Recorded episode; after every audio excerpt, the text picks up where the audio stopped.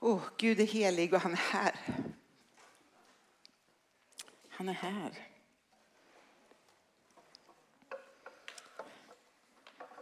Bara ta emot vad han har att ge dig idag. Mm. Tack gänget för att ni för oss inför Guds tron med tillbedjan. Som sagt, Kim Brinte heter jag och jag har förmånen att få tala till er denna sommarsöndag. Jag ska börja på en helt annan plats än i Malmö. Det finns nämligen en vulkanö, eller öar som de har blivit numera, i Indonesien. Och den heter Krakatoa. Den har lite andra namn, men det är för att den är ständigt under förändring och eh, får lite andra namn vartefter. Den 27 augusti 1883, då händer det någonting. Det hörs ett öronbedövande ljud och det är nog ett av de kraftigaste ljud som någonsin har uppmätts. Då förstår man kanske vidden av det här ljudet. Det här ljudet spreds från Indonesien. Man kunde uppfatta det så långt från eh, Indonesien, då, eller epicentrum, till Saigon, till Manila, till Perth i Australien. Så långt, långt, långt därifrån kunde man med sina öron uppfatta det här ljudet. Och så kom själva vulkanutbrottet. Då säger man att kraften var den, av den var 10 000 gånger starkare än en atombomb. Himlen färgades röd och det regnade lavastenar. Och det här ledde till att många blev otroligt rädda. Vulkanön som hade ett stort berg i mitten, det bara totalt imploderade och föll ner i havet. Och sen har lavan sen gjort att det deformerades och, blev helt förvandlat. Just det här utbrottet krävde 36 000 människoliv. Tre fjärdedelar av ön försvann. Allt liv som man visste och kände till på den här ön försvann. Det var bara lava, aska och död. Och många troende, både i den här närmaste trakten men också längre bort, tänkte att nu är sista tiden kommit. Faktum är att himlen färgades så röd i Amerika så det blev brandutryckningar även i USA för att himlen var så röd. Man trodde att det brann eh, nyheterna om det här vulkanutbrottet spred sig som en löpeld också för att teknikrevolutionen hade, man kunde telegrafera. Eh, så att folk över hela världen kunde vara med och följa skeendet av den här händelsen. Ön hade alltså nu en helt ny form. Eh, människorna var rädda plötsligt mitt i det som man var på väg in i och skulle bli industrialismens stora kraftiga tidsålder. Nu står man plötsligt inför en situation av att oj, mänskligheten är inte så stark i alla fall. Naturlagarna är ganska mäktiga de också. Och allt man känner till är förändrat. Den här vulkanen den levde sitt liv och den höll på ett tag men efter att det till slut hade svalnat så vågade sig en holländsk forskare dit. Och hans team känner inte igen sig, de har varit där förut. Typografin är som sagt helt oigenkännlig. Inte ett spår av växtlighet, allt är borta. Hela ytan var bara en kaos röra av vulkanisk sten och aska. Utplånad, inget liv. En landmassa placerad ut i havet. Det får oss att tänka på hur Bibeln beskriver den första skapade jorden. När landmassan som delar hav, fanns ingen växtlighet ännu, fanns ingenting. Men Någonting är på skeendet. Kaos när, I svenska bibeln så står det när jorden var öde och tom. Ett ord som används är just kaos. En väntan på liv. Och jag tror att vi är många som kanske känner att vi upplever lite grann av det kaoset just nu. Pandemin tänker jag är en påminnelse. Vi lever i kulturella förändringar som sker otroligt snabbt nu. En politisk polarisering som också tar sig liksom bredare och bredare isär skyttegravarna. Teknikutveckling eller AIs otroligt snabba utveckling, klimatförändringar, krig, våldsamheter som nu även på hemmaplan går väldigt långt ner i åldrarna. Och det går fort. Det går väldigt fort just nu. Och vi är nog många som känner att världen som vi känner till håller på att förändras. Och då har vi ett par frågor att ställa oss själva. Hur hänger vi med i det? Och hur ska vi orientera oss när det ser så svårt ut? Hur navigerar vi oss i och genom när spelreglerna verkar ha ändrats så radikalt? Jag bodde i Småland när stormen Gudrun härjade fram. Och när alla träd hade fallit ner och de lantbrukare som gav sig ut på sina egna marker som de kände till så otroligt väl, de kunde varenda träd, gick plötsligt vilse. För de kände inte igen sig längre. Men det som både ön Krakatoa och skapelseberättelsen har gemensamt i kaoset så är det en väldigt, väldigt, väldigt viktig händelse. Och det är att Gud är närvarande. Guds ande svävade över kaoset. Guds ande hovrar över allt kaos. De här forskarna som vågar kliva i land på Krakatoa, de ser först att allt är dött. Men när de återvänder dit så blir de ganska tagna. För att i lavan, landmassorna, så finns det fröer. Både som fåglar har flugit över och kanske släppt. Men också det som är kvar av den tidiga vegetationen. Så när regnet kommer så händer någonting. Plötsligt börjar det spira. Jesajas ord blir plötsligt otroligt påtagliga. Jag gör någonting nytt, det spirar redan, märker ni det inte? Jag ska göra en väg genom öken och strömmar i ödemarken. 1883 då när den här vulkanutbrottet skedde som var bortom alla någonting man har mätt förut. Den här ön och vulkanen den är fortfarande vid liv. Den håller på fortfarande att förändras men inte så stora mått som den har gjort tidigare. Um, nu har en ny ö i mitten vuxit fram som heter eh, Aka Krakatoa som betyder Krakatoas son. Eh, för det kommer upp en ny liten bergskulle mitt i alltihopa. Med nytt liv och ny, ny, ny vegetation.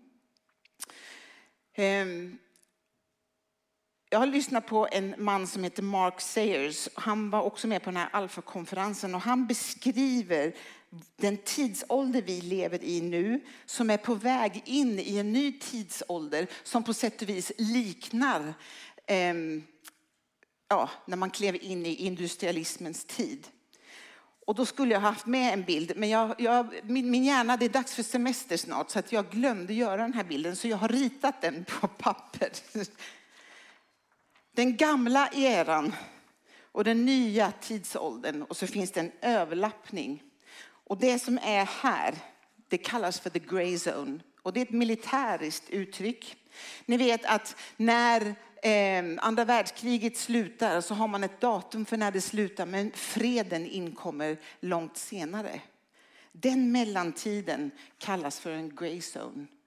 Och jag tror att det är där vi lever i just nu. Det slits och drar åt alla håll och en del vill in i det nya fort som ögat går och även fast man inte vet och man hittar inte och man, man vet inte hur man ska navigera och andra vill göra precis som vi alltid har gjort. Han Mark Sayers, han talade till ledare framför allt, men jag tror att de här tre frågeställningarna gäller alla människor. Vi har tre möjligheter, tre val, tre benägenheter. Och det ena är just att bara fortsätta som vi alltid har gjort. Med risk för att när hela omgivningen, typografin ser helt annorlunda ut, att vi riskerar att slita ut oss, bli utbrända. Det andra valet vi har, det är att ge upp. Det är övermäktigt. Jag känner inte igen varken mig själv, terrängen jag går på, min kallelse. Jag klarar inte det här längre. Det tredje alternativet är att stanna upp och haka tag i anden som hovrar. Vad gör anden just nu? Vilket håll blåser vinden? Jag tänker pausa den här bilden och jag tror att vi kommer att återkomma till den här bilden en del i höst faktiskt. Ehm, för jag tycker, eller ja, vi har delat den med teamet och vi tycker att den talar till oss. Men idag ska vi titta på en biblisk person, hur han är ett exempel på hur han hanterar en förändrad tid. Vi ska titta på Nehemja. Nehemja befinner sig i Susas borg i Babylon. Han är en andra generationens invandrare för han befinner sig i ett land dit han har blivit deporterad. Och han har fått ett väldigt, väldigt bra jobb. Han jobbar för kungen i palatset. Och vi börjar från Nehemja kapitel 1, vers 1. Om ni har biblar med er så slå gärna upp dem. I månaden Kislev under det tjugonde året var jag i Susans borg. De, då kom Hanani, en av mina bröder, dit tillsammans med några män från Juda. Jag frågade om judarna som var kvar efter fångenskapen och hur det stod till i Jerusalem. De svarade mig, de som är kvar efter fångenskapen och befinner sig i provinsen är i nöd och vanära. Jerusalems mur är nedriven och portarna är uppbrända. Folket är i nöd och vanära. Muren är nedriven, portarna brända. Det innebär att allt skydd de har runt staden är borta. Fienden har fri tillgång att marschera rakt in. Deras fasad, deras stolthet, det man liksom visar upp att så här kan vi försvara oss, det är raserat. De är sköra och det är bara att kliva rätt in. Rakt in och rakt över. Vi fortsätter. Nehemja säger då så här, när jag fick höra detta satte jag mig ner och grät. Under flera dagar sörjde jag, fastade och bad till himmelens Gud. Vi läser lite till. Jag sa, Herre himlens Gud, du store och fruktansvärde Gud. Du håller förbundet och är nådig mot dem som älskar dig och håller dina bud. Låt ditt öra och dina ögon vara öppna för din tjänares bön. Som din tjänare natt och dag ber jag för dina tjänare israeliterna. Jag bekänner de synder som vi israeliter har begått mot dig. Även jag och min fars familj har syndat mot dig. Vi har gjort mycket ont gentemot dig. Vi har inte lytt dina bud, stadgar och lagar som du gav till Moses, din tjänare Moses. Kom ihåg vad du sa till din tjänare Moses. Om ni är troslösa ska jag skingra er bland folken. Men om ni vänder tillbaka till mig, håller mina bud och följer dem, då ska jag samla er igen Även om ni har blivit förvisade bort till de mest avlägsna delarna av världen. Jag ska samla dem och föra dem tillbaka till den plats jag har utvalt där mitt namn ska bo. Det första är att Nehemja får de otroligt dåliga nyheterna. och han drabbas av sorg. Det är inte så konstigt, det kan vi förstå. Men det han gör är att han kliver in och han bjuder in Gud i den sorgen. Han kan ha någonstans att rikta sig och han bjuder in Gud. Mitt hjärta är brustet för mitt folk som är i nöd och vanära. Här finns en stor parallell till Jesus när det så ofta står i Nya Testamentet att han drabbas av medlidande.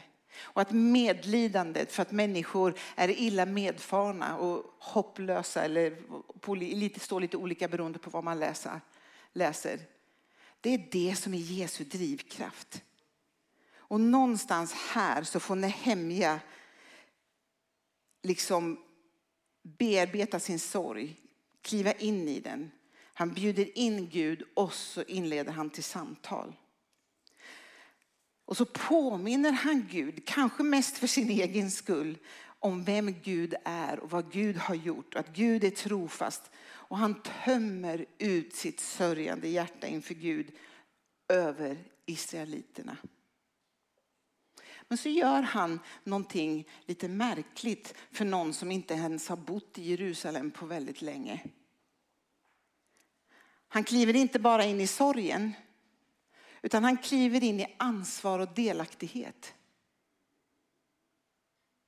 Plötsligt axlar han hela Israels folks när han säger jag ber om förlåtelse för mitt folks synd gentemot dig. För vi har inte följt dina bud och dina lagar som du gav Moses. Han bor i ett helt annat land. Han är långt ifrån sitt folk. Han kanske är andra eller tredje generationen därifrån. Han skulle kunna säga, vad rör det här mig? Men han kliver in i ansvar och delaktighet. Det stora perspektivet. Men så kliver han också in i det nära. Det, det kanske ännu mer smärtsamma perspektivet. Även jag och min far har syndat mot dig. Vi har gjort mycket ont, vi har inte lytt dina bud. Vi har gått vår egen väg. Vi har lytt vår egen vilja.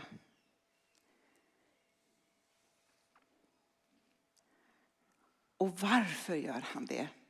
För han kommer ihåg Guds löften. Han kommer ihåg Guds löften och vad Gud har sagt. För han påminner Gud om dem. Han säger så här, om ni är trolösa så ska jag skingra er. Men om vi vänder om, då ska Gud samla oss igen. Hmm, fundera på, hur ser det ut för oss i Malmö idag? Skingring, bortvändhet från Gud. Att omvända sig samlande inför Gud. Be över det, fundera, fråga, gå in i konversation med Gud hur det kan se ut. Jag ska samla dem och föra dem tillbaka till den plats jag har utvalt och där vill jag bo. Bibeln beskriver ju på många Gud vill tabernakla bland sitt folk. Han vill vara bland sitt folk. Han nöjer sig inte med att bara hovra över kaos. Han vill bo dit han är inbjuden. Men för det så behöver det inte vara helt och rent som vi ofta tror. Däremot så behöver omvändelsen ske. Sen vill Gud komma och hjälpa oss att bli hela och rena.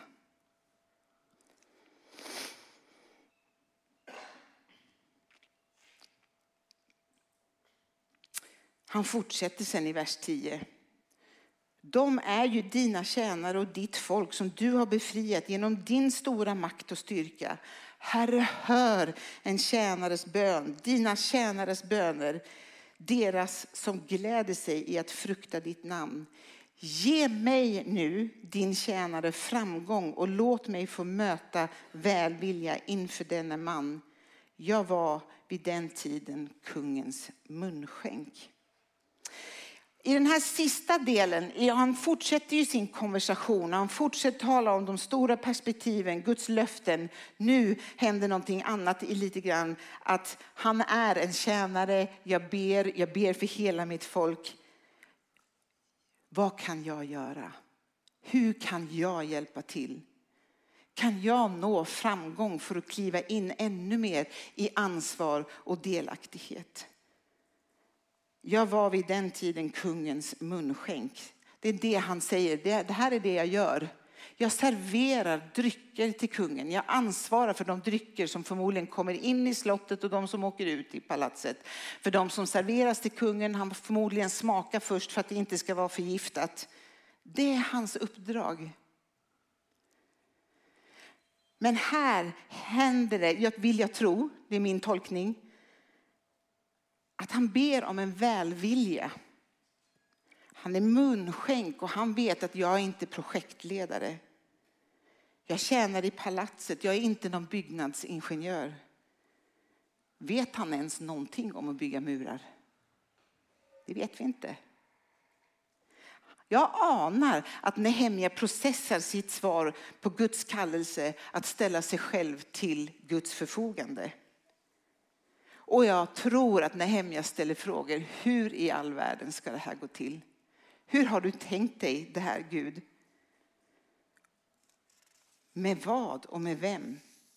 Och jag kan också tänka mig att Nehemja beräknar kostnaden att lämna sin förmånliga tjänstgöring i palatset för att kliva in i det som Gud har kallat honom till. Att lämna bekvämlighet för ett svårt men viktigt och väldigt utmanande uppdrag. Och nu kommer vi till kapitel två. Nu börjar kapitel två i månaden Nissan under kung Artaxerxes 20 regeringsår. När vin serverades för kungen tog jag vinet och gav det åt honom. Jag hade aldrig visat mig nedstämd inför honom, men nu frågar han mig, varför ser du så ledsen ut? Du är väl inte sjuk? Det ser ut som du har hjärtesorg. Första, första lilla versen så står det så här, i månaden Nissan. Och den som var observant nu märker att i första kapitlet så står det att det var månaden Kislev.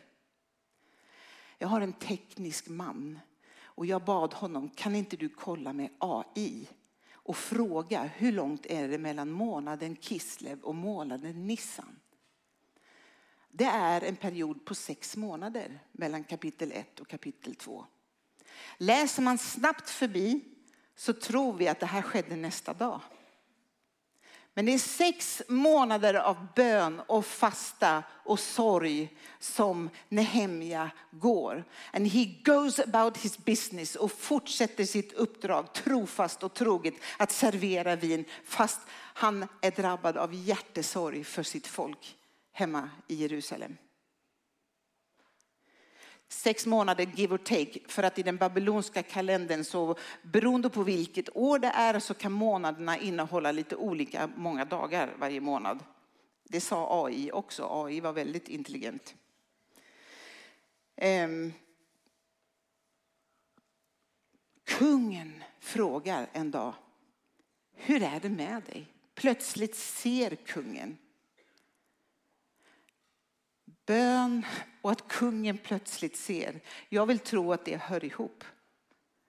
Plötsligt så är det anden som har liksom öppnat ögonen på kungen som plötsligt ser. Hur är det med dig Nehemja? Du ser sjuk ut.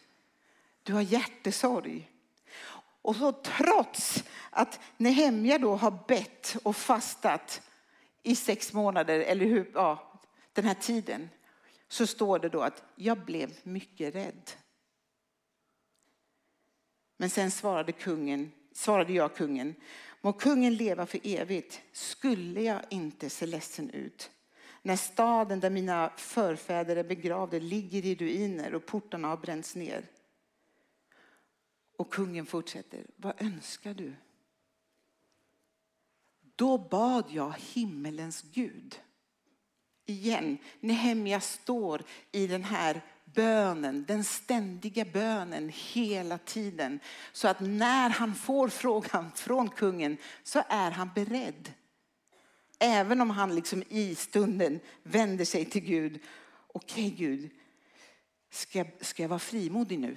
Ska jag be om allt det där jag behöver? Inte det jag vill utan det som du säger. Om det behagar dig min kung, och om du vill visa din välvilja mot mig, din tjänare, låt mig då få resa till den stad i Juda där mina fäder ligger begravda, för att bygga upp den igen. Hur länge räknar du med att vara borta? Oj. Och när kan du vara tillbaka? Kungen tillät mig alltså att resa och jag angav en viss tid. Jag är nyfiken på den tiden, det får vi inte veta här. Och sen sa jag till honom, om det behagar dig min kung, låt mig få med ett brev till stadshållarna väster om Eufrat så att de låter mig passera genom deras områden. Han behöver pass, covidpass, han behöver pengar och han behöver material så han kan bygga upp staden. Och kungen ger honom allt han behöver för min Guds goda hand var över mig. Kungen ser, kungen frågar och kungen förser. Jag tänker att det speglar den kung vi tror på. Kungen ser ditt tyngda hjärta, vårt tyngda hjärta, när vi riktar det till honom. Och när du är liksom klar över din sorg en tid, då har han en tid där han vill ställa dig frågan, hur mår du? Vad är det som tynger ditt hjärta? Och vad behöver du? Vad behöver du för att göra något åt det? Och då är Nehemja lite extra frimodig och ber om både brev och material och allt vad det är. Jag tycker Nehemja är ett sånt fantastiskt exempel på det här temat vi har, gör plats för Jesus. Men Nehemja får spegla Jesus här också, han är föregångare. Hur han bjuder in i sin omständighet, hur han ger tid åt Gud, hur han inväntar både timing och ledning. Och det här fortsätter, om man fortsätter att läsa återuppbyggandet av muren så är det ju så att han kommer dit och han går inte dit och säger tja, jag är tillbaks, nu ska jag bygga muren. Nej, han är visare än så. Han går runt muren nattetid för att själv inspektera. Han vill inte bara gå på rykten som han har hört. Jag behöver se, jag behöver känna, jag behöver förstå vad som har hänt med muren. Och det gör han på nattetid. Och sen en dag när det plötsligt är tid. Tänk att den inspektionen skedde också i tillbedjan, bön, kanske fasta också. Gud, vad behöver göras här? Då börjar han prata med folk. Hörrni, ska vi bygga muren? Hörrni, vi kan inte leva i det här förfallet längre. Hörrni, vi måste göra någonting åt det här. Och så kan ni historien om familj efter familj och grupp efter grupp och de, de organiserar sig runt hela och jobbar sida vid sida för att under bön och lovsång också. Men inte utan motstånd. Motstånd kommer liksom dag ett. När folk börjar ifrågasätta, vem tror du att du är? Ska du komma tillbaka hit och bygga upp en mur? Du har inte ens bott här. Med vad då? Med vilka, vilken tid, vilka pengar? Och han får vishet att bemöta och vishet att ibland inte bemöta. Läs. Men jag tror att Nehemjas förhållningssätt är någonting vi kan lära oss av i den tid vi lever i. För egen del, också för församlingens del och för Malmös del. Jag tänkte på det också i eh, hur vi har längtat efter regn så länge i Malmö. Och så i, eh, var det fredags det kom en första skur. Och jag vet inte hur många så här klipp jag har sett. Folk är lyckliga och ute och dansar i regnet och man bara, äntligen. Och igår kom det ännu mera regn. Och jag inser vi har en sån här garageuppfart och det vattnet steg och steg och jag bara tänkte oj nu kommer det snart rinna ner i garaget för att brunnen orkar inte ta emot mer vatten just där. Eh, att det var bra att det inte kom för mycket regn på en gång för marken klarar inte av att ta emot det. Utan Gud behöver i sin nåd låta det regna lite i taget så att vi blir uppluckrade så att våran jordmån får komma och så att fröna kan få, få gro, få rötter. Och så tar det tid innan det syns någonting ovan jord.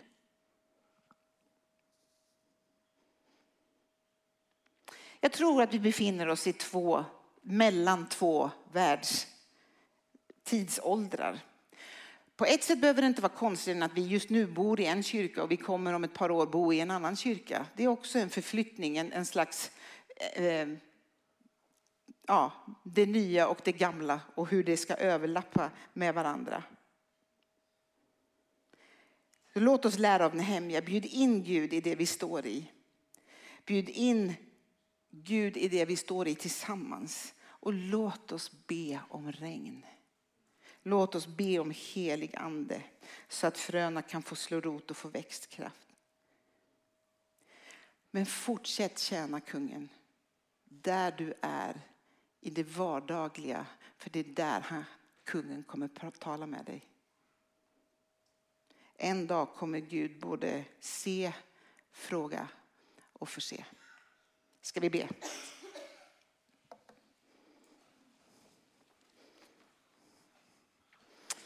Herre, vi tackar dig för att du är en mäktig god Gud, du är en stor Gud, du är en helig Gud som vi sjöng om.